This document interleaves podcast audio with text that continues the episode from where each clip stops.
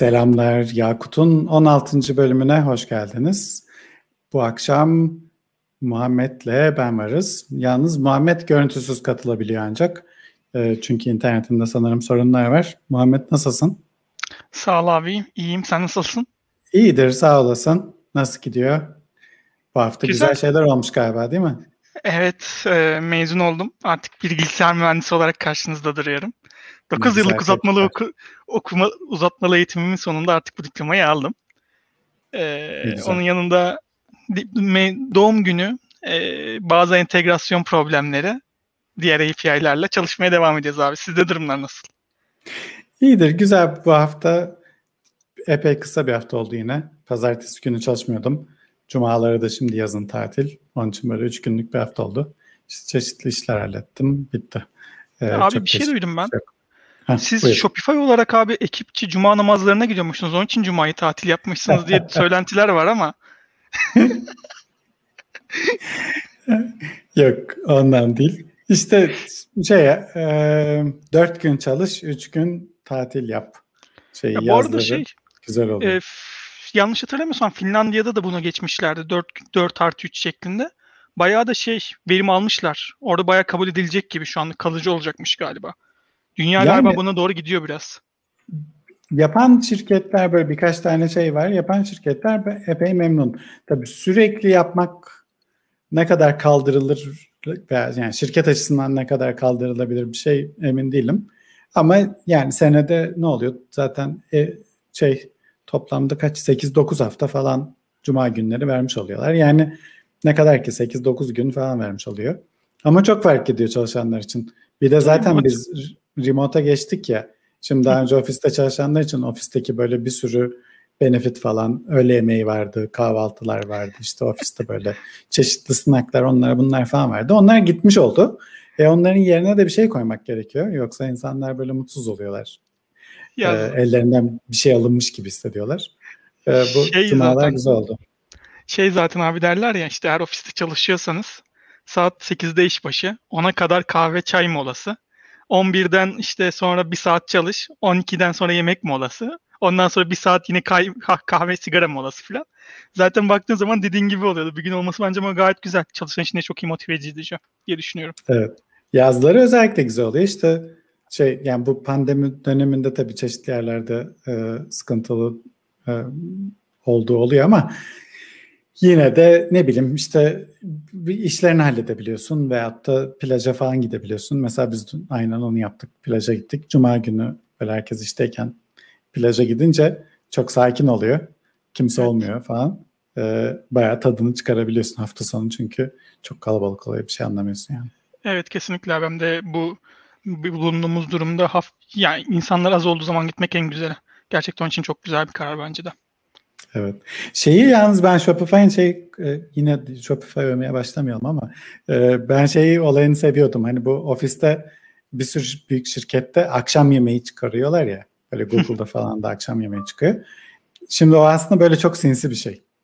Ee, akşam yemeği çıkmasının sebebi insanlar böyle evlerine gitmesinler de işte böyle zaman kaybı olmasın. Ofiste kalsınlar diye akşam yemeği çıkıyor. Çünkü böyle bir sürüsü eve gidip yemek pişirmek istemiyor. İşte akşam yemeğini beklerken de çalışıyor, çalışıyor, iş yapıyor falan. O böyle biraz ondan dolayı var aslında o şirketlerde. Shopify onu hiç yapmadığı için ben çok beğeniyordum aslında. Yani böyle. kahvaltı yapıyorlardı. Kahvaltı da böyle 9'da falan bitiyor. Yani biraz istiyorsan erken gel kahvaltı yemek istiyorsan. Ama onun dışında böyle akşam yemeği falan çıkarıyoruz. Gelin burada yiyin diye. İşte böyle insanlar ofiste tutalım şey yapmam, ee, yapmıyorlar. Şey sorayım abi. Peki bu Google'da abi yani orada yemek yemek için oraya mı gidiyorsun yoksa öyle opsiyonel mi? İstersen burada, istersen dışarıda gibi miydi? Bilgin var mı bu konuda?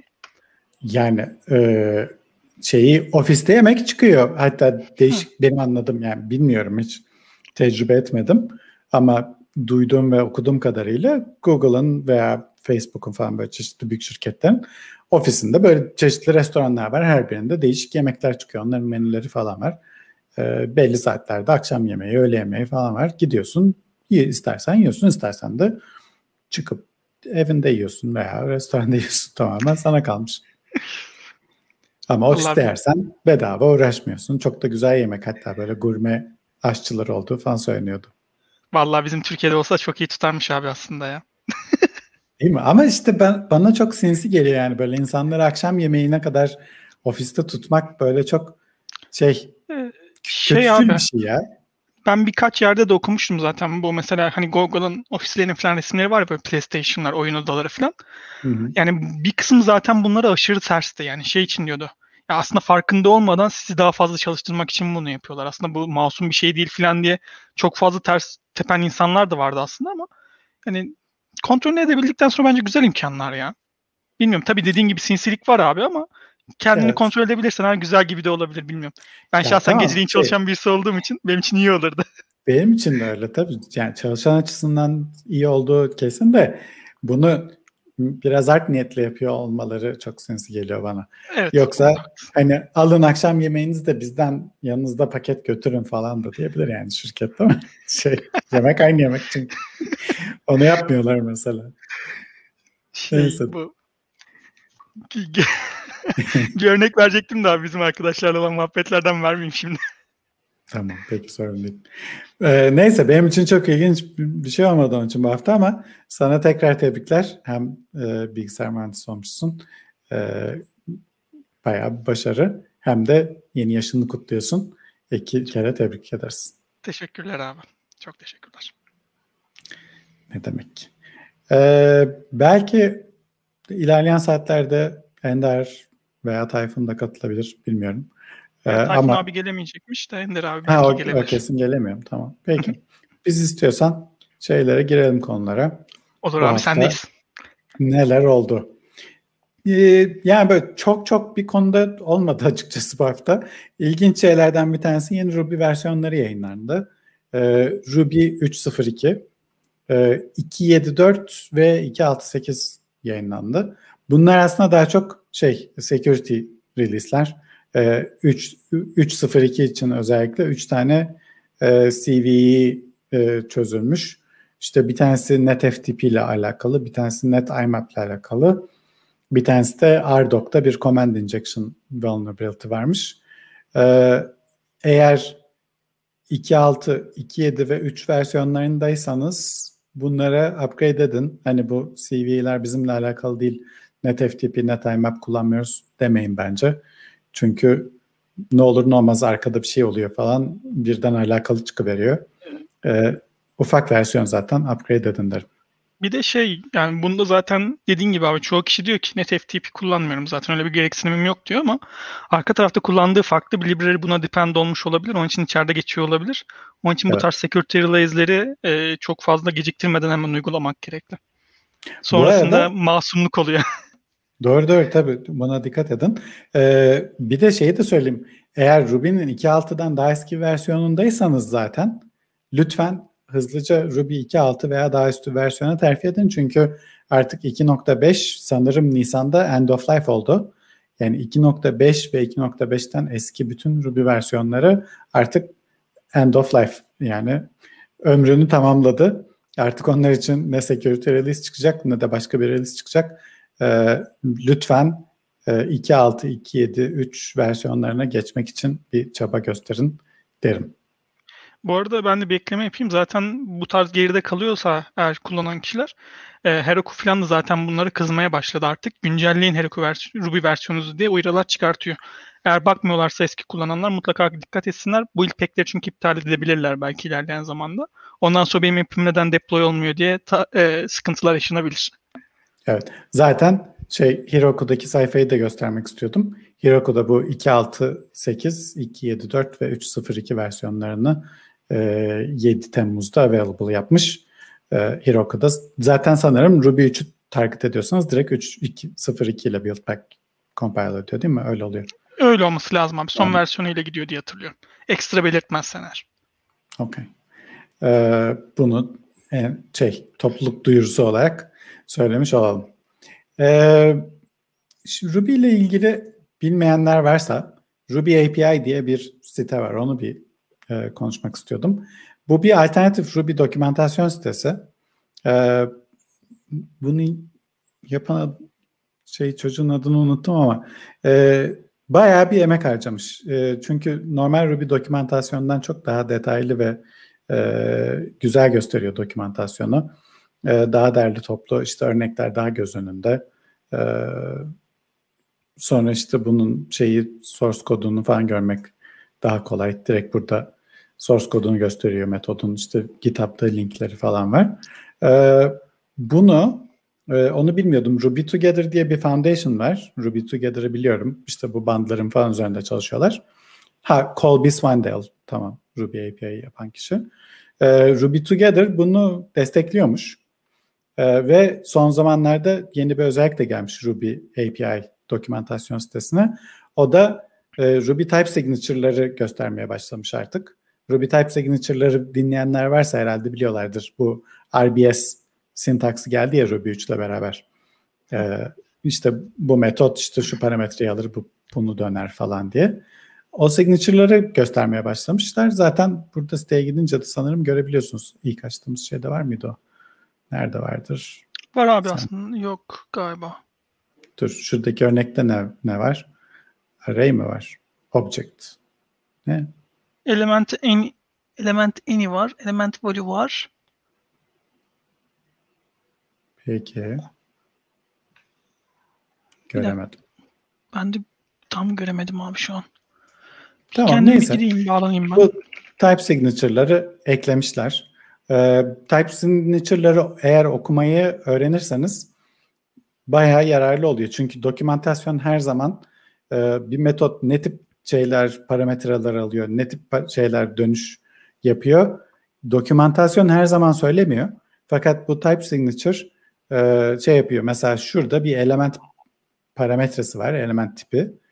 Hiç parametre vermezseniz o eleman tipinden bir array döndürüyormuş. Ee, bu herhalde array'in new şeyi mi? Array'in new metodu. Belki oradan baksak daha şey olacak. Dur bakayım. Buna hazırlı ol, hazırlıklı olsaydım daha kolay, daha iyi olacaktı sanırım. Array'in new'una gidelim. Yok. En üstteki galiba abi. Direkt diye şey parantezli olan, curly bracket'li olan galiba. Şu mu? O ben ona benzettim sanki ama. Evet. Bir parametre mi seçmemiz gerekiyor acaba? Bilemedim Neyse, abi. Ben, ben bir bakayım eğer bulabilirsem sana Peki. yazarım ben. Tamam. Veyahut da belki daha canlıya çıkmamıştır ama yakında gelecek bir şey. Ee, bu eğer RBS sintaksını okumaya alışırsanız bu tip şeyler e, aslında çok verimli oluyor. İşte burada da mesela size parametresi alıyor. Bir de opsiyonel bir tane value parametresi alıyormuş. O da bir tane array döndürüyormuş falan filan. Veyahut da size parametresi alıyor. Bir tane blok alıyor.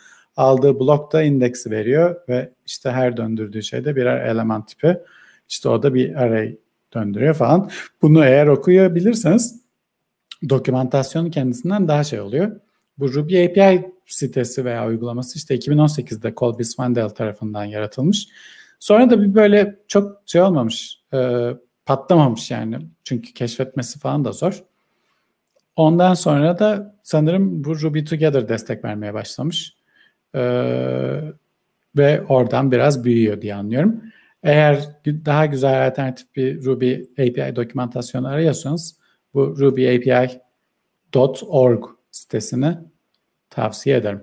Çünkü Ruby'nin kendi dokümantasyonu biraz çok iyi değil. Öyle diyeyim. Ya aslında ben bunu ilk gör ben bunu ilk çıktığı zamanlar yanlış hatırlamıyorsam görmüşüm ama biraz şey gibi gelmişti bana. Sanki Ardoca stillendirme eklemişler gibi gelmişti biraz. Ee, ama sonradan bu özellikler çok güzelmiş. Yani galiba dediğin gibi daha live'de olmayabilir. Emin değilim abi çünkü ben de göremedim siteye bakınca. Ya bir de araması falan daha şey ne bileyim böyle. Bir de abi daha modern gözüküyor zaten ya. Daha modern gözüküyor. Kullanması daha rahat. Onun için evet. daha tavsiye edeceğim bir şey yani. Bir de şey zaten bu RBS ile falan artık e, aslında dokümantasyona bakmaya çok fazla gerek kalmıyor. Özellikle Doğru. yeni idelerde e, RDoc'ları falan yukarıdan çektikleri için annotation'ları okuduğun zaman oradan hangi tipte hani nasıl dönecek falan yani artık dokümana bakmaya da çok fazla gerek kalmıyor. Onun için ben RBS'i özellikle çok beğenmiştim. E, yani type signature'ları çok beğenmiştim. İnşallah daha da yaygınlaşacak bakalım onu bekliyoruz. evet. Şey e, Sotaro zaten Yuruko konuşmasında biraz onu anlatmıştı. Bu Steep'i ve RBS'i nasıl e, LSP yani bu Language Server e, Provider şeyi var. VS Code'un çıkardığı. Daha doğrusu Microsoft'un çıkardığı ama her editör için çalışan bir şey. O LSP entegrasyonu falan nasıl yaptığını anlatmıştı Eurocode'a. Ee, şeyi güzel o LSP entegrasyonu ve editör entegrasyonu gerçekten güzel oluyor. RBS'i de ben Sorbe'nin editör entegrasyonunu da o açıdan çok beğeniyorum haklısın. Dokümantasyonu da gösteriyor çünkü şeyde. Evet. Aslında çoğu zaman o aldığı doküman aldığı parametrenin hem variable name'i hem tipinden filan yani yazı, olmasa bile insan öngörebiliyor böyle. Demek ki bunu vereceğim, bunu alacağım gibisinden öngörmesine de sebep oluyor. Ama diğer türlü olunca insanlar onu çok fazla önemsemiyorlar. Ne tip gelecek buraya, ne gidecek filan diye. Ama bu şekilde olunca gayet güzel. Bu arada aslında Ruby'nin kendi Ardukun'da da e, tipleri falan belirtiliyor, belirtiliyor çoğu şeyin. O da yine güzel ama bunun RBS'le daha deklaratif hale gelmiş olması çok daha güzel. Evet. Benim mesela öyle bir tane şey var. Bu Sorbet ile çalışırken Sorbet Runtime'da böyle çok atraksiyonlar falan oluyor. İşte metot redefine oluyor. Eski metot referans tutuluyor. Ondan sonra eski metot yerine konmaya çalışıyor falan. Böyle bir sürü orada runtime'da metoda geçen parametreleri anlayabilmek için e, takla attırıyorlar falan. Orada benim bir merak ettiğim bir şey vardı. Bu define method diye bir metot var ya yeni evet dinamik olarak metot tanımlamana yarıyor. O define metot normalde bir blok alıyor. İşte o bloku da metodun body'siymiş gibi çalıştırıyor tanımladığın metodun. Ama işte ona proc da verebiliyormuşsun, lambda da verebiliyormuşsun falan. Ben şey bulmaya çalışıyorum. Şimdi eski metodun referansını tuttuk elimizde. Metod objesi olarak tutabiliyorsun ya metodu şeyin referansını. Eski evet. metodun referansı var elimizde. Overwrite etmişiz. Yeni metot tanımlamışız onun yerine. İşte şey yapan, bu wrapping yapan. Ama ben eski metodu yerine koymak istiyorum. Eski metodu yerine koyacağımı da hiçbir şekilde bulamadım. Define metoda çünkü işte yine blok verip içinde metodu çağırabilirim ama o yine yavaşlatıyor. Yani metodu kendi başına çağırmak gibi olmuyor. Yine orada bir başka bir metottan geçiş yapman gerekiyor. Nasıl yapacağız, nasıl yapacağız falan filan. Hiç dokümantasyondan da anlamadım. Meğersem dokümantasyon bir yerinde diyormuş.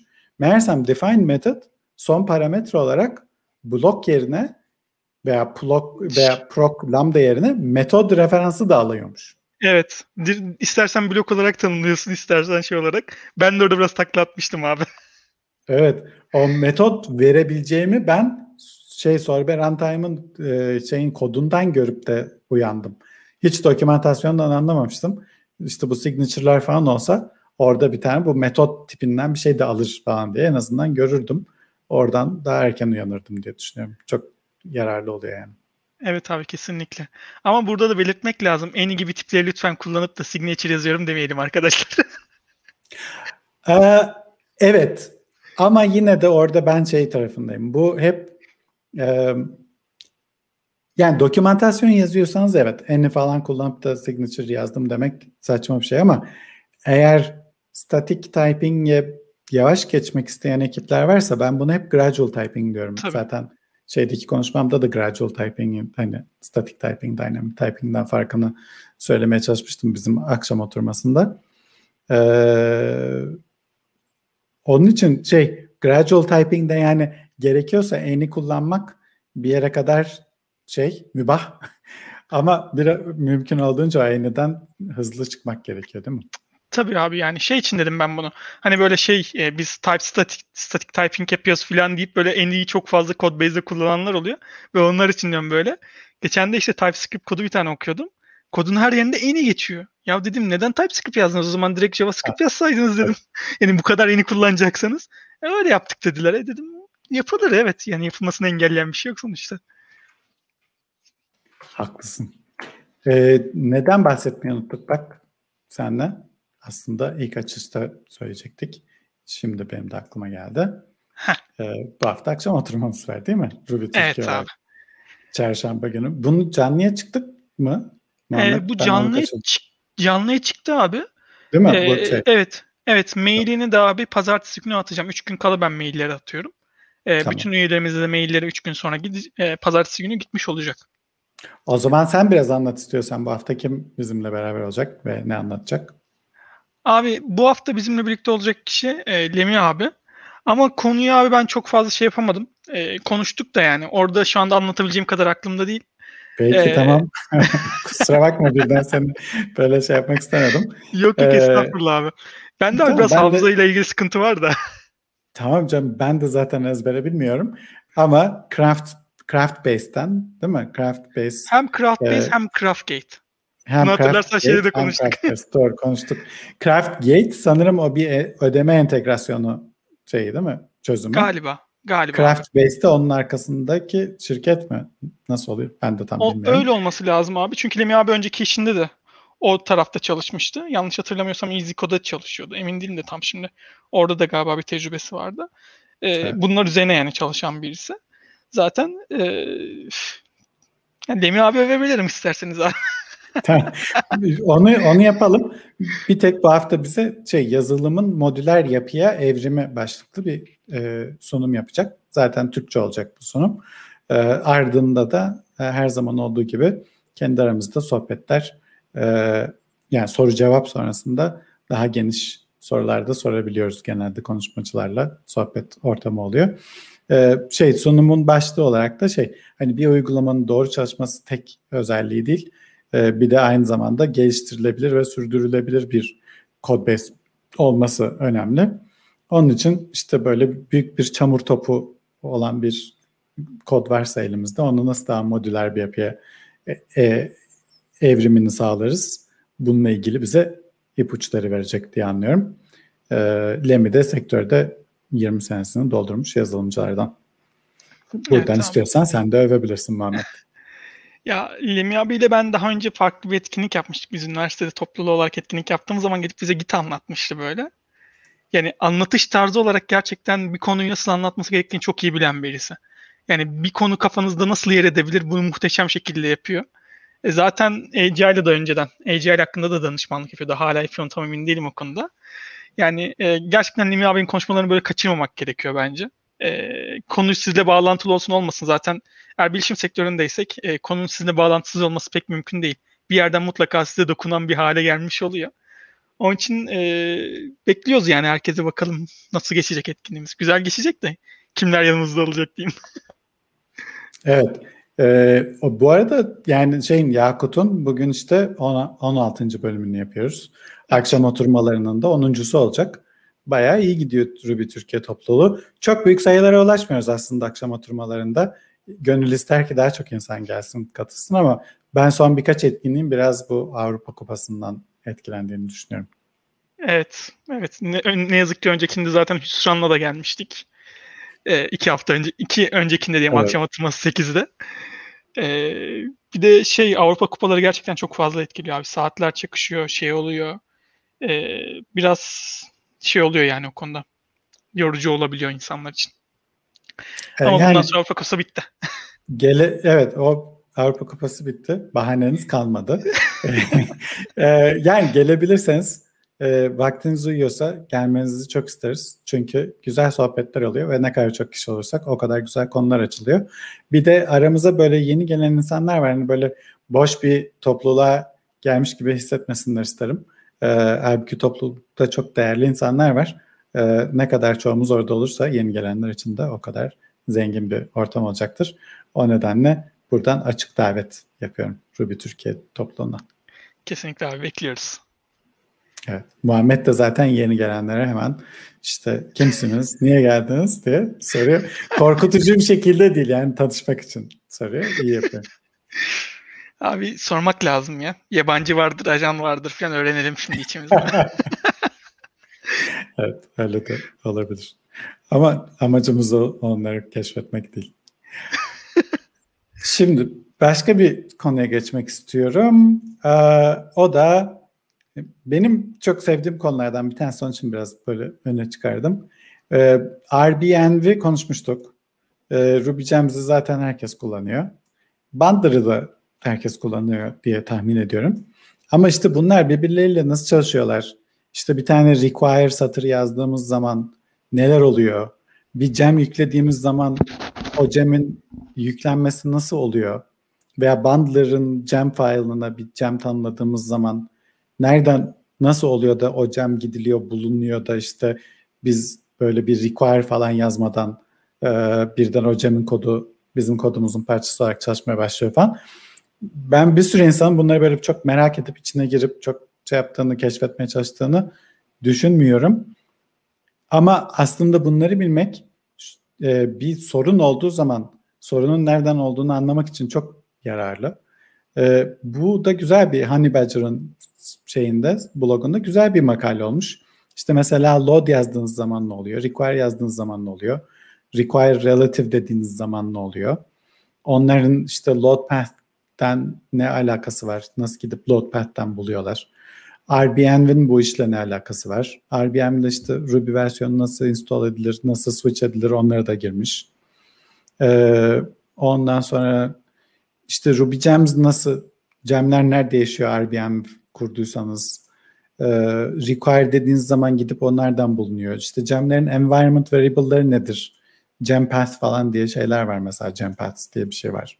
Bu bazen yanlış olursa gidip başka yerden bakmaya çalışıyor Ruby.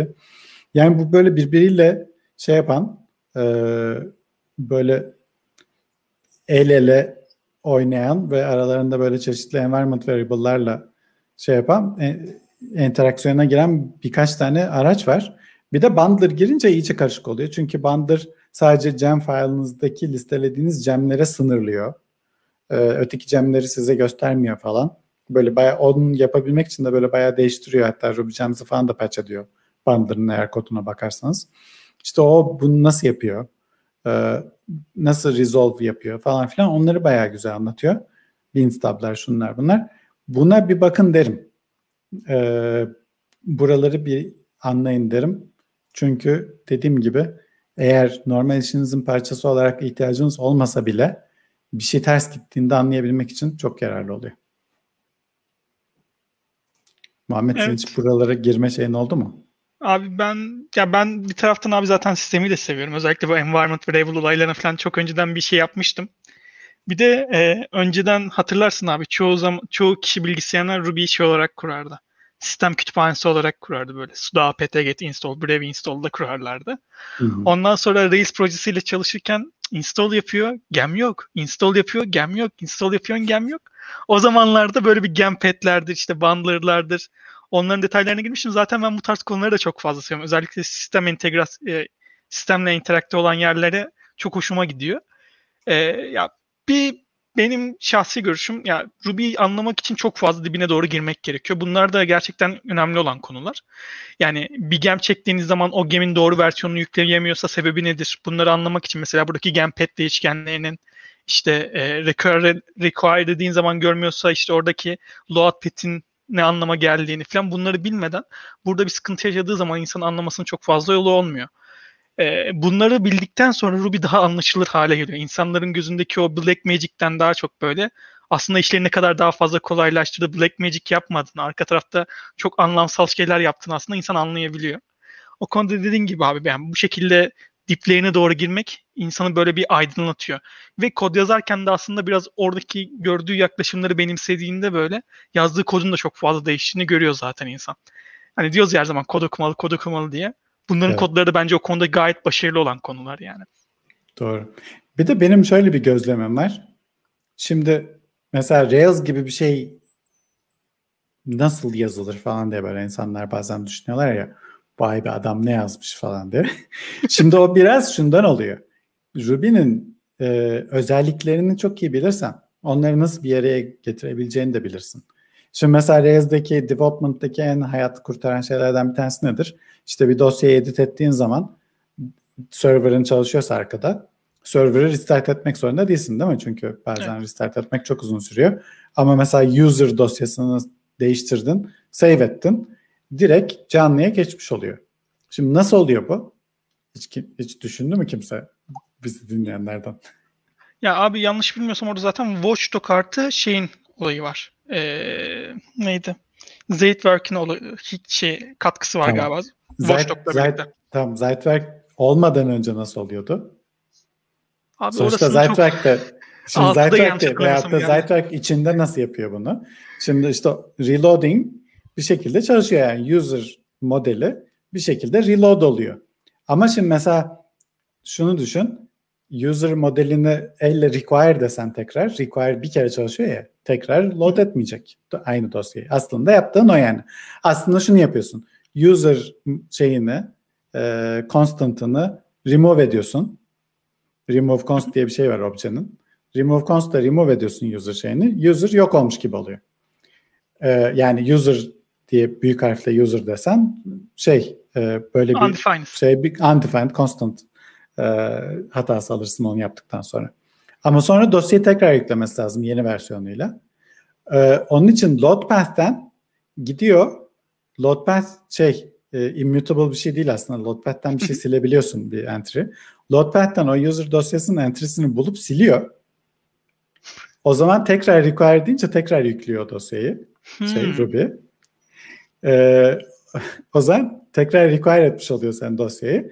User'ı tekrar tanımlatmış oluyor. Çok Ama güzel.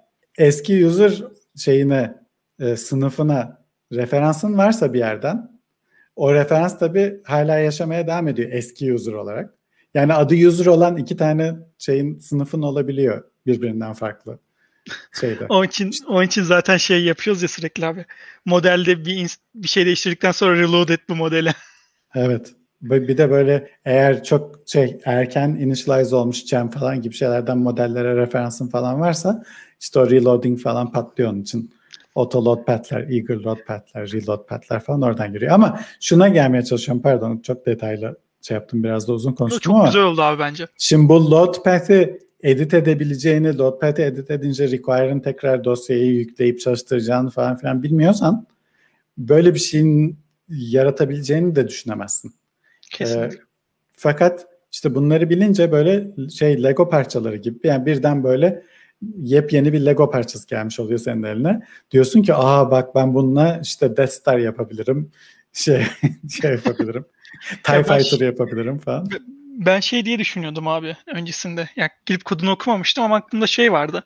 Herhalde diyordum o dosyayı tekrardan load ederekten önceki oluşmuş olan user klasını yeni user klasıyla replace ediyordur diye düşünüyordum. Ama bu şekilde hiç düşünmemiştim. O kadar dibine girmemiştim. Benim için çok güzel oldu. Ufkum açıldı şu anda. Teşekkürler abi. Çok ne demek. Ee, yani o açıdan da böyle şeylerin altta nasıl çalıştığını bilmek yaratıcılığınızı arttırıyor. Size böyle daha çok imkan veriyor diye düşünüyorum. Onun için ben böyle bu konuları sevdiğim için e, arada öyle konulardan kaynak dolduruyorum. Bol diyor doldur abi. Peki. o zaman e, buradan ile ilgili yeni bir özelliğe şey yapalım. Biraz biz bu hep Rails 7'de şu geliyor bu geliyor falan diyoruz. E, pek Rails 7 kullanan yok çünkü Rails 7 daha yayınlanmış bir sürüm de değil. E, ama eğer Rails'in main branch'ını takip edenleriniz varsa e, veyahut da Rails 7'de ne özellikler hayatımıza gelecek diye merak ediyorsanız diye bunları paylaşıyoruz. E, çünkü baya bir sürü özellik ekleniyor. Bir de bir sürü şirkette işte Shopify gibi, GitHub gibi, Basecamp gibi Rails'ı zaten main'inde kullanıyor. Bu tip özellikleri hemen e, şey yapıyorlar, e, kullanmaya başlayabiliyorlar. E, Türkiye'de de birkaç tane proje duydum e, Rails'ı main'inde kullanan. Ayrıca hani Rails'ın çok güncel versiyonlarındaysanız projenizde Rails'ın main'de kullanmayı ben de size tavsiye ederim ayrıca.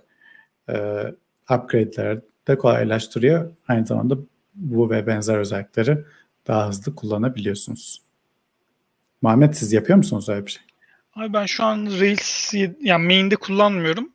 Altının son versiyonunda kullanıyorum ama main'e geçirmeyi düşünüyorum. Ee, biraz birkaç sorunum var, feature'ım var. Onları hallettikten sonra main'e geçirmeyi düşünüyorum. Çünkü sonradan gelmesi daha zor oluyor. İlk başta main'i evet. takip etmek bence çok daha kolay. Evet. Bu arada main'de de böyle sürekli altınızdan kayan bir şey gibi olmuyor. Yani main'de bir e, komite hedefliyorsunuz. E, o komitede çalışıyorsunuz işte iki hafta boyunca. İki hafta sonra işte o komite daha güncel bir komite güncelliyorsunuz. Yani aslında Rails upgrade yine yapıyorsunuz ama haftada veya iki haftada bir yapıyorsunuz. Böyle daha küçük şeylerle, farklarla e, upgrade yapmış oluyorsunuz. Upgrade'ler daha kolay oluyor. Böyle birden böyle bir senelik upgrade yapmamış oluyorsunuz falan. Şey var abi şimdi insanların framework'lerde böyle versiyon atlatırken çok büyük korkuları oluyor. Şeyden hmm. dolayı 6'dan 7'ye direkt major bir değişiklik zaten. Yani şey yani bir sürü şeyin patlayabilir diye düşünüyor aslında ama Rails de öyle değil. Rails yaklaşık olarak 3-4 versiyonda bir deprecate ettiği için öncesinde loglarına basıyor. Aslında Rails de o kadar da sakıncalı bir şey değil. Sadece bendeki biraz şeyden kaynaklı. Öyle gelmiş öyle gidiyor den kaynaklı. Yoksa Rails ya önceden de sen anlatmıştın zaten abi. Yani Rails gerçekten öyle break'in bir change yapmıyor versiyonu atlatırken. 2-3 versiyon yani atıyorum 7'de eğer bir şeyi kaldıracaksalarsa bunu zaten 4'te duyurmaya başlamış oluyorlar. Doğru. Ee, onda şey olarak veriyorlar. E, deprecated error diye veriyorlar zaten. Warning düşüyor sürekli konsola. Hı-hı. Yani onun için aslında Rails'i Master'da kullanmak kullanmak isteyen arkadaşlar için o kadar tehlikeli bir şey değil yani. Şeyler breaking olabiliyor. Konfigürasyon değişiklikleri breaking olabiliyor. İşte mesela ne bileyim cookie formatı falan değiştiriyorlar. Onun daha kolay bir geçişi yok. Ama orada da Rails 7 defaultlarını zaten hemen opt-in etmeyeceksiniz. Rails 6 default yani o configlerin defaultlarını zaten e, Rails 7 defaultlarını kullan diyene kadar Rails 7 versiyonlarına çevirmiyor. Onun için hala Rails 6 config ile devam etmiş oluyorsunuz. İşte siz uyduğu bir ara o config'i değiştiriyorsunuz. Şey ee, zaten app update dediğimiz zaman da Rails app update dediğimiz zaman da o konfigürasyonu yeni dosya olarak ekliyor. İşte atıyorum Rails Hı-hı. configuration 6.2 defaults falan diye ya da 7.0 defaults diye ekliyor zaten. Yani evet. o dediğin gibi abi oradaki defaultları zaten farklı bir şeyde tutmak gerekiyor. Ee, configuration dosyasında tutmak gerekiyor. Bir de o eklediği dosyada da her şey commented oluyor. İşte bunları evet. hallettikten sonra bunları uncomment edip işte bu dosyayı require edin falan gibi de bir şey oluyor orada tam hatırlamıyorum ama. Evet, Onun için yani o şekilde şey az problemle kullanabilirsiniz diye düşünüyorum. Biraz da onun için Rails 7 özelliklerini şey yapıyoruz. Yine uzun girizgah yaptık. Rails 7'de ne gelmiş? Previously persisted diye bir metot gelmiş. Ee, şimdi bu ne şey yapıyor? Daha önce exist diye bir şey vardı. Metot vardı. İşte bir nesne veri tabanındaki tabloda var mı yok mu? Bir de persisted diye bir şey vardı. O da veri tabanı işte kaydedilmiş mi, kaydedilmemiş mi ona bakıyor. E, fakat daha geçmişte bu veri tabanında vardı da şimdi silinmiş şeyi yoktu. Şimdi mesela 7, 7 öncesi mesela bir tane customer find by name John Doe diye customer bulduk diyelim. Ondan sonra onu destroy ünlem işaretli metotla e, yok ettik. Şimdi bu new record mı diye bakıyoruz ve destroyed mi diye bakıyoruz. Ancak o zaman true diye geliyor bize böyle tek bir sorguda yapamıyoruz. E, çünkü destroy ettik ya yeni new record değil ama aynı zamanda destroyed olduğu için demek ki daha önceden var olan ama sonradan silinmiş bir kayıt olduğunu anlıyoruz. İşte Rails 7'de bunun için direkt tek şey gelmiş, metot gelmiş. Previously persisted mı diye sorduğumuzda evet true diyor. Bu nerede yararlı? İşte after destroy callback'inde bir şey yapıyorsanız orada clean up falan gibi şeyler yapıyorsanız previously persisted mı bu diye sormanız e, gerekebiliyor. O zaman da kolay oluyor. Bir de şeyler var abi. Bazılarında ben görüyorum böyle şeyi objeyi çok fazla fonksiyonlar arasında döndürüyorlar. İşte mesela sidekick'e bile obje paslayanlar falan gördüm. Doğru. Ee, bu çok doğru bir şey değil. Bu tarz durumlarda çünkü obje var, var olan elinizde bir obje var ama bu database'de olmayabilir. Bu tarz aslında checkler için bu tarz metodlar çok önemli oluyor. Özellikle new record. Bakıyorlar mesela user present o zaman vardır bu deyip geçiyorlar ama aslında veri tabanında bu yok. Obje var sadece aslında yani. Onun için e, eğer bu tarz metodlar da Rails'in içinde var. Birçok kişinin ben bu tarz metodların da varlığından e, haberdar olduğunu düşünmüyor. Yani burada onun için e, bu metodların varlığını da haberdar etmek güzel oluyor bence abi. Doğru haklısın. Ee, yani ben açıkçası düşünmemiştim New Record veya Destroyed falan bilmeyen e, vardır diye ama doğru haklısın bilmeyen olabilir hiç kullanmak zorunda kalmadığı için e, karşısına gelmemişler vardır. Abi sen senior olduğun için şimdi tabii junior'ın halini anlamıyorum. yok yok estağfurullah ondan değil yani belki onun etkisi de vardır da e, ne bileyim karşılaşmıştır herkes diye düşünüyordum. En azından bu işte Ruby guide'larına falan bakarken karşısına çıkmıştır diye düşündüm ama haklısın şey olabilir. O benim şeyim varsayımım olmuş. Geçelim Pry ile ilgili bir şeye. Uzmanlık ee, Pry kullanıyorsanız, değil mi? Evet, Pry çok sevdiğim, çok övdük bu programda. Ee, Pry kullananlarınız varsa biliyorsunuz işte Pry kullanmak için işte Pry'ı require etmeniz lazım. Ondan sonra da binding nokta Pry deyince size bir tane hızlı bir breakpoint koyuyor. O binding nokta Pry'ı koyduğunuz yerde çalışırken duruyor ve Ondan Pry sonra şeyine production'daki production'daki hep neden response dönmüyor değil mi abi? Evet değil mi? Sonra çünkü bu binding parayı unutursanız debugginginiz bittikten sonra commit edip deploy ederseniz programı ne olacak? Production'da ya diyecek ki binding pry diye bir şey bilmiyorum hata verecek. Çünkü işte pry umarım development şey, gruplarınızda veya test gruplarınızdadır. Production grubunuzda değildir. O zaman öyle bir hata verecek. Binding pry nedir bilmiyorum ki diyecek. Veyahut da daha kötüsü belki en azından öyle hata verse anlarsınız sorunun nereden geldiğini. Deploy olmaz uygulama en azından. Değil mi? Daha kötüsü binding pry'ı görünce hop pry şeyine satırına düşecek. Uygulamanız duracak. Hiçbir şey yapmamaya başlayacak. Siz de diyeceksiniz ki ya ne güzel çalışan uygulama birden hiç cevap vermemeye başladı. Ee, evet öyle bir şeyle karşılaşıyorsanız büyük ihtimal bir binding pry komutu unutmuşsunuzdur. Buradan hareketle tekrar hatırlatalım. Pry gibi development'te veya testte kullandığınız şeyleri lütfen development veya test gruplarına koyun. Ee, o gemlerin production grubunda yeri yok. Ee, production'da arada debug ediyorum falan diye öyle şeyler yapmayın derim. Ee, Aksiyona gerek yok abi ya. Değil mi?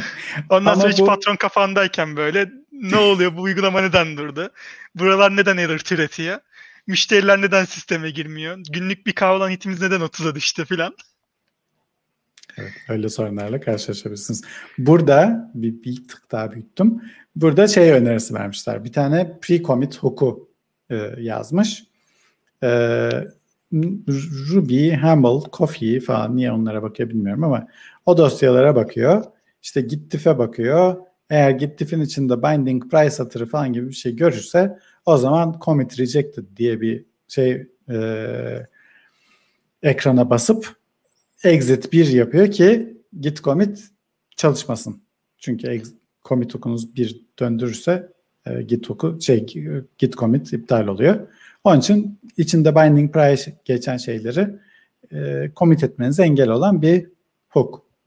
Ee, hemen şöyle bir ekleme de yapayım abi ben.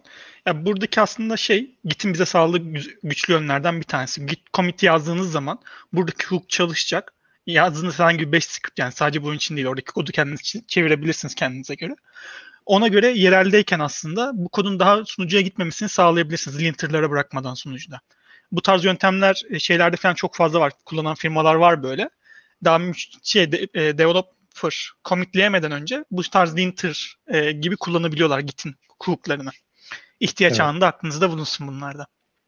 Evet evet bu eğer mesela Robocop şeyleriniz e, kurallarınız çok hızlı çalışıyorsa e, veyahut da testleriniz çok hızlı çalışıyorsa e, onları da pre-commit olarak çalıştırıp böyle herhangi bir şey commit etmeden önce testlerin geçtiğine ve işte Robocop şeylerinizin çalıştığına emin olabilirsiniz.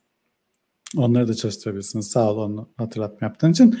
Bir de bu şey commit hook'larını falan yönetmek için de araçlar vardı. Onlara bir baktım. Over commit falan bir şeyler vardı. Sonra hatırladığım şey bulamadım da onları belki bir sonraki programda paylaşırız. Çok güzel olur bence abi. Benim bilgim yoktu o tarz araçlardan. Ben de görürsem çok sevinirim. Ben de bakayım hatta bu hafta araştırayım. Tamam olur. Haftaya da onları paylaşacağım. Ee, bir sonraki konuya geçelim. Bu Euroco'daki konuşmalarla ilgili Maple'dan biraz bahsetmiştik daha önce Yakut'un önceki bölümlerinde. E, Maple Shopify'da e, benimle beraber Ruby Rails Infrastructure ekibinde çalışıyor. E, bu hafta bir e, Ruby projesi template'ı yapmış. Bir template repository yapmış. Çok basit bir e, proje yapısıyla geliyor.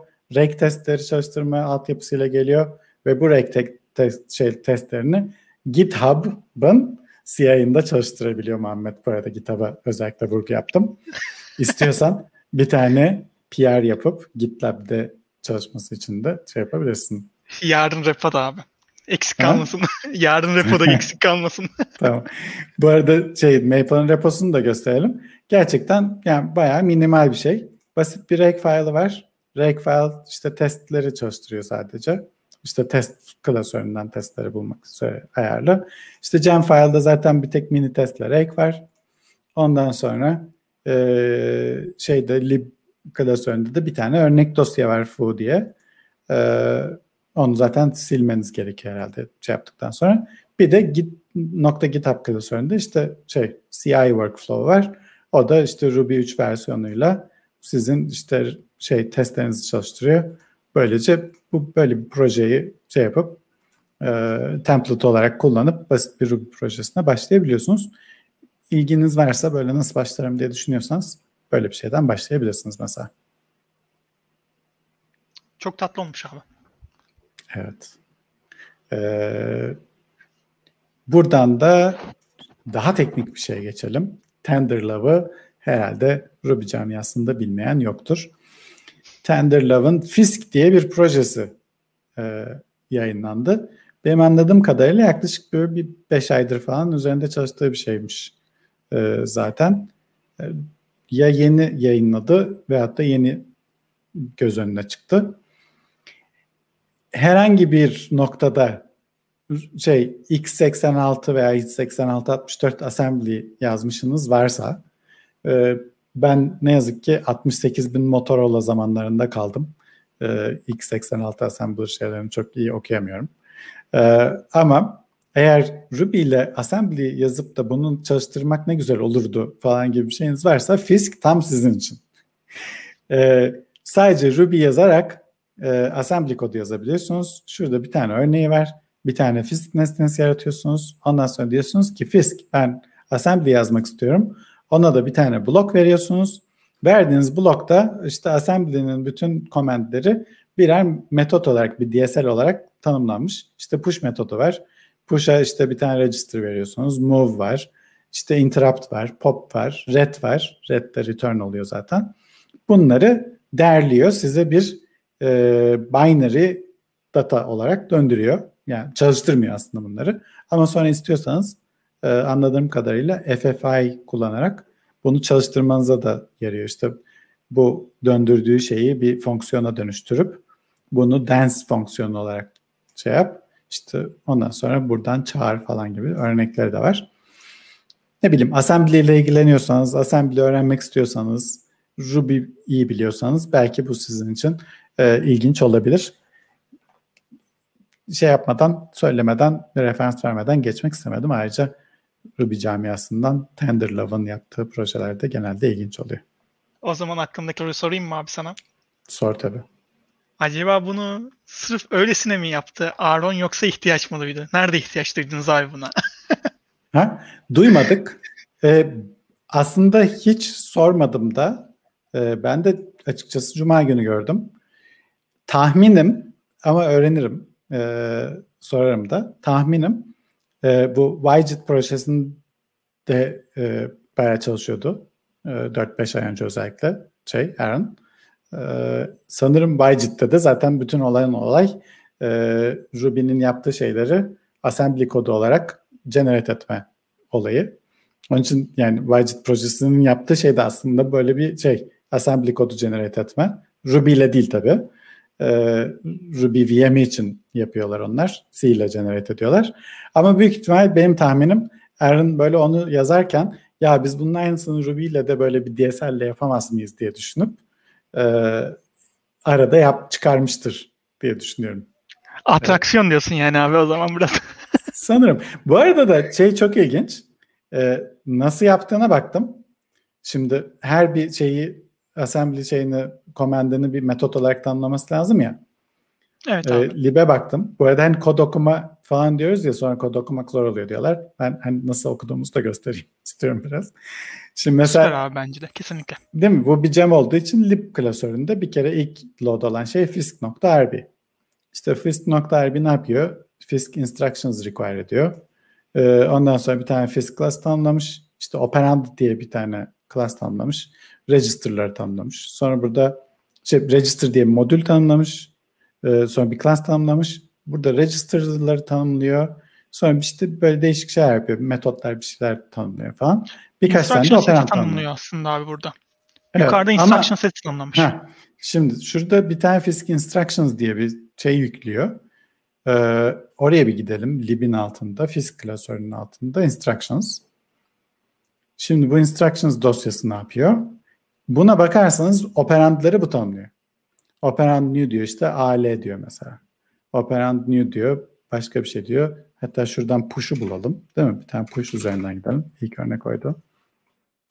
burada push autoload etti. Fisk instructions push olarak autoload etti. Şurada da def push diye push metodunu tanımlamış. Onu da push instruction'ına parametre geçirerek yapıyor. Buradan push instruction'larına da gidebiliriz. Ee, oradan da şöyle gidelim. Madem Fisk instructions push, instructions'ın altında olması lazım. Instructions'ın altında böyle bir sürü dosya var. Yüzlerce falan dosya var. Ee, orada biraz scroll ederseniz push'a gelebilirsiniz. Push, push, push. Baya çok şey var. Evet, buradan push'a geldik. İşte bu instructions altında push instruction'ını tanımlıyor. Ee, encodingler, bilmem neler. Bir şeyler. Yani tam nasıl çalıştığını burada anlamak değil zaten amacımız da. Nasıl tanımlanmış? En sonunda da push diye bir tane constant tanımlıyor zaten. Onu da yine instruction olarak tanımlıyor. Şimdi bütün bu kodları böyle yazmış mı diye de merak ettim ben. Ben de onu düşündüm abi. Az önceki Değil instructions'ın altındaki dosya sayısını görünce bir. evet. Şimdi yapmamış. Çünkü şimdi şurada binary klasöründe e, birkaç tane Ruby şey var. Pardon bir tane Ruby dosyası var. İki tane de dikkat ederseniz ERB dosyası var. Bir tane ERB dosyası instructions RB'nin ERB dosyası. Bu instructions dosyasına dikkat ederseniz demin class fisk mod, module instructions falan diye şey vardı ya hani operand types diye de bir tane array tanımlanmıştı. Onu aslında ERB dosyası olarak generate ediyor. Ee, benzer şekilde her bir instruction içinde instruction'ların generate edildiği bir RB dosyası var. Hatta sonda instruction'ın name'i eşittir. Instruction new falan diye işte instruction adım adı bilmem ne. Bunları da çalıştıran şey build machine diye bir Ruby şeyi, script'i. Build machine Ruby script'i gidiyor instruction'ları bir URL'den çekiyor e, bir XML dosyası olarak. Nokogiri ile onları parse ediyor. Ondan sonra her bir instruction için işte bu instruction şeyini çalıştırıyor. E, ERB dosyasını. Şu each ile bütün instruction'ların her biri için bu ERB dosyasını çalıştırıp gidip RB dosyasını generate ediyor. Sonra da bir tane de bu instructions RB dosyasını generate ediyor. Peki bu şeyleri nereden çekiyor? Bu build machine'i kim çalıştırıyor? Dedim ki çalıştırsa çalıştırsa Regfile çalıştırıyordur. Regfile'a baktım. Bingo. Orada bir tane XML file temp klasörüne şey yapıyormuş. Ee, ondan sonra işte şurada da git clone yapıyor bir tane repository. Git clone yaptığı repository'e bakarsanız opcodes diye bir tane repository. Opcodes'un içinde demek ki bir tane XML dosyası olması lazım. Ve oradan x8664 XML diye bir dosya var. Onu da view row dersek yükleyebilirse şöyle bir instruction set ve her bir instruction işte encoding olarak ne alıyor, parametre olarak ne alıyor onlar tanımlıymış zaten. Tamam. Allah boşuna demiyorlar abi Ruby'de kendini yazan kodlar yazmak önemli diye. evet. Şey o build machine RB dosyasında şuradaki şey çalıştırıyor. E, rec dosyası çalıştırıyor. O da işte bu fetch ettiği XML dosyasını alıyor. Oradan da bütün instructionlarını onları bunları yaratıyor. Böylece kendi kendine kod yazan bir kod yazmış e, Aaron. E, böylece bu kütüphanede böyle okunur. Ne yaptığı böyle anlaşılır. Onu da göstermiş olduk değil mi? YouTube video başlığını buldum abi.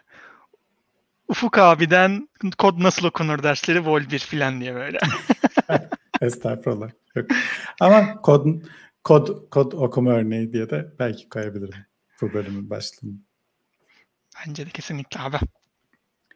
Zaten bitiriyoruz. Ee,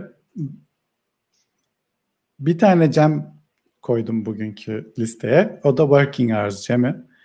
Bu Working Hours cemini şundan koydum. Çünkü bu çalışma saatleri benim hayatta çok sinir olduğum şeydir. Mesela böyle bir iş yeriyle irtibata geçersiniz. Böyle e-mail atarsınız falan size geri e-mail gelir. Size 5 iş be, şey 5 gün içinde cevap dönülecektir der. Hep de merak ederim mesela 5 gün dedikleri bir şirket diyorsa 5 gün diye 5 takvim günü mü diyor, 5 iş günü mü diyor hiç de söylemezler genelde. Hani 5 iş günü içinde dönülecek deseler yine iyi. 5 gün içinde falan diyor. Şimdi cumartesi pazarı saymalı mıyım? Veya ne bileyim belki cumaları çalışmıyorsunuzdur. Ben nereden bileceğim falan tamam yani. Veya ben, ne bileyim sizin çalıştığınız yerde böyle bir tatil vardır. iş günü değildir. Nereden bileceğim 5 iş günü ne zamana denk geliyor falan. Working Hours bunları çözmeye çalışıyor aslında. Ama daha çok sizin uygulamanızın içinde bunlarla daha kolay çalışmanızı şey yapıyor. İşte mesela bugünden sonraki birinci çalışma günü ne zaman? Mesela cuma günündeyseniz bir sonraki çalışma günü genelde bizim şeyimizde ülkemizde pazartesi oluyor. Ama onu da mesela ülkeden ülkeye değişiyor ya. Ee, evet. Onları da sanırım şey yapıyor. Bunlarla çalışmanızı şey yapıyor. Bu Rails'daki one day from now şeyini genişletmişler. One working day from now yapmışlar. Ee, o tip şeyleri uygulamanızda karar vermenize kolaylaştırıyor. Aynı şekilde de işte bu working hours konfigürasyonunuz işte Paris, işte şey size uygun eğer şeyler tatil günleri varsa onları da ekleyebiliyorsunuz. Çalışma saatlerinizi ekleyebiliyorsunuz ki işte çalışma saatleri geçmiş madem bir sonraki çalışma günü ne zamana geliyor onu anlayabilsin falan. Bayağı konfigürasyonu da kolay olan, kullanması da kolay olan bir cam. Onun için tavsiye etmek istedim. Şeyler de var bunun içinde abi. Tatil günleri de var. Yalnız bizim Türkiye'de ne yazık ki kötü bir durumumuz var. Ee, bizde dini bayramlar e, hicri takvime göre olduğu için sürekli kaydından dolayı bu kütüphaneye tamam. mesela onu dahil edememişler. Ben buna ihtiyaç duymuştum. Bir nöbet sistemi yazmıştık. Orada hicri takvim kütüphanesi var. Aynı şekilde Ruby'ye implemente edilmiş. Orada hicri takvimdeki ayları falan bunu ekleyerekten yaptırıyordum. Şimdi sen gösterince benim aklıma geldi çünkü kütüphane. Şimdi tabii Muhammed biliyorsun o da biraz zor. Çünkü hani geçen sene miydi böyle bayağı olay olmuştu şimdi şeyin bayramın ilk günü hangi gün olacak? İşte bir alimler dedi ki işte ay tam şey şimdi bilmem ne günü yeni ay oluyor. Başka alimler dediler ki yok bir sonraki gün falan. Hatta sanırım Arap ülkeleriyle bizde bir gün farklı oldu falan. Evet abi hatta ben bunun dezavantajını yaşadım. Ya projeyi de söyleyeyim hatta böyle eczaneler için nöbetçi nöbetli uygulaması yazıyoruz yazdık abi bir tane böyle hobi evet. gibi bir şeydi. Ya Ramazan'ın birinci günü, bayramın birinci günü bende nöbetçi olarak gözükmüyor. Normal bizim şey working day olarak gözüküyor. Allah Allah neden bu şey yapmıyor falan. Ama diyorum Ramazan ayının birinci günü olarak yaptım. Mersem abi dediğin gibiymiş. Biz bir gün ileri kaydırmışız onu. Ya da evet. diğerlerinden bir gün ya bir gün farkımız vardı yani. Bir gün fark etti evet. Bir baktım Allah Allah diyorum ya Ramazan'ın bugün biri acaba takvim mi yanlış implement edilmiş falan diye bakıyorum bakıyorum bulamadım. Sonra senin dediğin olayı görmüştüm. Almıştı bana bir gülme böyle dedim ki ben bunu nasıl öngöreyim. Çünkü oradaki sorun da şu yeni aya göre yapıyorlar ya şey yani işte yeni ay başlaması demek ayın yeni ay olması yani fiziksel olarak gördüğümüz ayın yeni ay olması yani simsiyah olması. Ama hangi lokasyonda ayı yeni ay olarak görüyorsun o tanımlanmamış. Çünkü yani düşünürsen ayın bir noktadan tekrar geri aynı noktaya gelmesi 24 saat sürüyor. 24 saatte de bayağı değişiyor yani 28'de bir değişiyor. Full 28 günde bütün periyodunu tamamladığı için e, e, bayağı değişiyor. Şimdi onun için hangi noktada yeni ay olduğuna bağlı olarak o, o şeyi günü ona göre başlatıyorsun falan. Anladığım kadarıyla Araplar farklı şey yapıyordu. Biz bizim coğrafyadan yeni ay gözükmesine göre falan şey yapıyorduk. Bir karışıklık olmuştu orada. Valla böyle bir olay da yaşamadım demiyorum abi artık bunu da gördük. Ama yine de böyle bir şey kullanıyorsan en kötü sene başında işte bu seneki şey bu hicri takvimdeki şeyler ne zaman deyip böyle güncelleyip konfigini bir deploy atarsın. Hani böyle illa hicri evet. takvimde çalışmayacaksan. En temizi o zaten abi de böyle atraksiyona girdim kendi kendime. Ne yapabiliyoruz diye bir bakayım dedim. İyi yapmışsın yapmışsın. Öyle şeylerle uğraşmak güzel oluyor. Son olarak programı kapatmadan geçen hafta aslında bunu konuşabilirdik de konuşmadık. Ee, biraz şey üzerinde konuşalım istiyorum. GitHub'ın Copilot diye bir şey çıktı. GitHub'ın Copilot'ını burada TypeScript örnekleriyle değil de Ruby örnekleriyle şey yapalım. Ee, hatta GitHub, Rails örnekleriyle. Hatta değil mi burada Rails örneği oluyor. Adres şeyi create shipping adres diyorsunuz sizin için. Migration şey yapıyor. Yani kullanıcının yazdığı kod sadece şurada class create shipping adres demek ve sanırım şu şey subclass ediyorum şeyini koymak. Geri kalanını GitHub Copilot editörünüzün içinde sizin için yazıyor. Böyle bütün migration'ı change şeyiyle, tablo adıyla, hatta tablodaki kolonların adı, indekslerin adı, başka şeylere olan e, referansların isimleri falanla sizin için böyle birden kod yazıyor. Bu bir technical preview'da e, sign up olabilirsiniz. Ben şahsen kullanmadım. E, fakat örnekler heyecan verici. Arkada OpenAI kullanıyorlarmış. Ve anladığım kadarıyla e, popüler dillerin neredeyse hepsiyle entegre olan bir şey. Bunun üzerine çok konuşma oldu. Eminim bizi dinleyenler başka kaynaklardan da bunu görmüşlerdir. Twitter'da yaşıyorsanız zaten kaçırmış olmanız imkansız.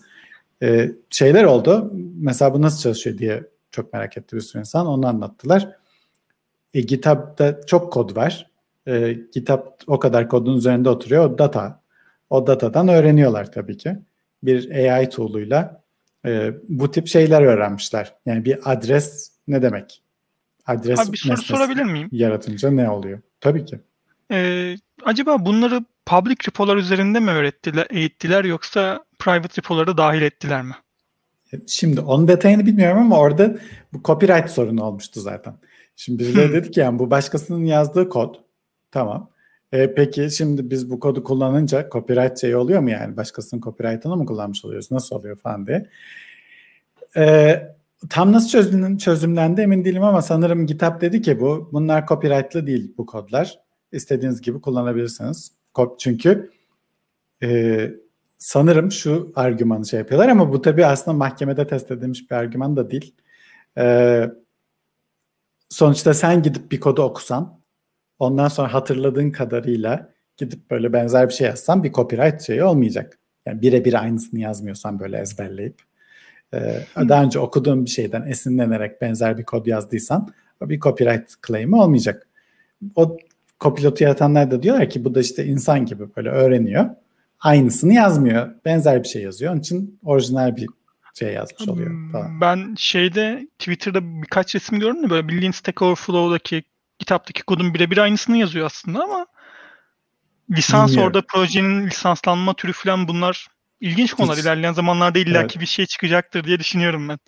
Onun için şey de bilmiyorum yani sadece açık kaynaklardan mı şey yaptı e, kapalı kod şeylerinden de kullandılar e, mı? Tahmin ederim ki sadece açık kaynak kod şeylerden yapmışlar. Ama orada daha yine lisans mesela. GPR'le lisanslanmışsa ürünü yazdıktan sonra o ürünün şeyi yapması lazım sonuçta. E, GPR'le GPR lisansına göre lisanslaması gerekecek, ona göre dağıtması gerekecek vesaire.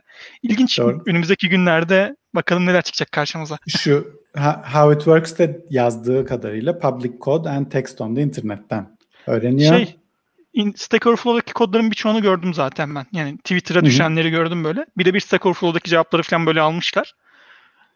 Ee, dediğim gibi abi bilmiyorum vallahi yani bakalım. Ama heyecan verici yani, şeyler. Yakın gelecekte Stack Overflow'dan copy paste etmeye gerek kalmayacak. Değil mi? Boşuna. Evet abi ilk başta eklentiler çıkarttılar. Stack Overflow'da direkt arama eklentileri, kopileme eklentileri. Ne gerek var? Şimdi şimdi buna, bu seviyeye zaten. geldik. ben şey tarafında değilim yani bu bir sürü insan da şeyi demeye başladı. İşte ya Allah bizim işimizi elimizden alıyorlar falan. Böyle artık makine yazıyorsa kodları falan da hani o kadar da uzun boylu değil. Yani tamam adı da güzel olmuş o açıdan yani. Copilot işte size yardımcı oluyor. Şoförlük yapmıyor yani. Ya bu kod ilgini çeker mi? diyor. Yok ben bunu beğenmedim dersen de siliyorsun yani. Şey değil o kadar da kodu sizin için yazmıyor. Ya hatta zaten yazdığı kodu da büyük ihtimal bayağı değiştirmek gerekir. Böyle daha şey template veriyor gibi düşünelim.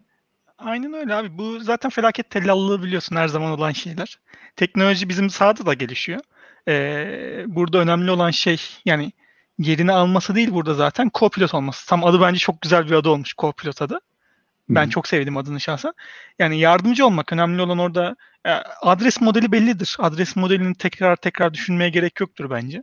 İhtiyacına göre eklersin, çıkartırsın orada. 10 satır fazla yazmana gerek yok. Otomatik olarak kendisi tamamlasın. Sen düzenle.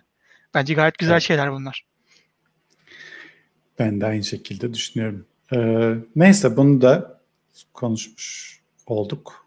Ee, konuşmadan geçmiş gibi olduk. Çünkü geçen hafta bayağı patlamıştı da geçen hafta vaktimiz yetmedi. Başka konularımız vardı. Ee, biraz da vaktimizi geçtik zaten. Teşekkür ederim Muhammed. Bugün geldin, bana eşlik ettin. Ben teşekkür ederim abi. Yine aydınlattın beni. Estağfurullah. Sağ olasın. Keyifli bir program oldu. Ee, bizi izleyen, dinleyenlere de buradan sevgi ve selamlarımızı gönderiyoruz. Haftaya görüşmek üzere diyoruz. Ee, çarşamba günü de görüşüyoruz abi lütfen. Aa doğru evet. Çarşamba günü akşam oturmanızda gelmeyi unutmayın. Ama Yakut için haftaya görüşürüz.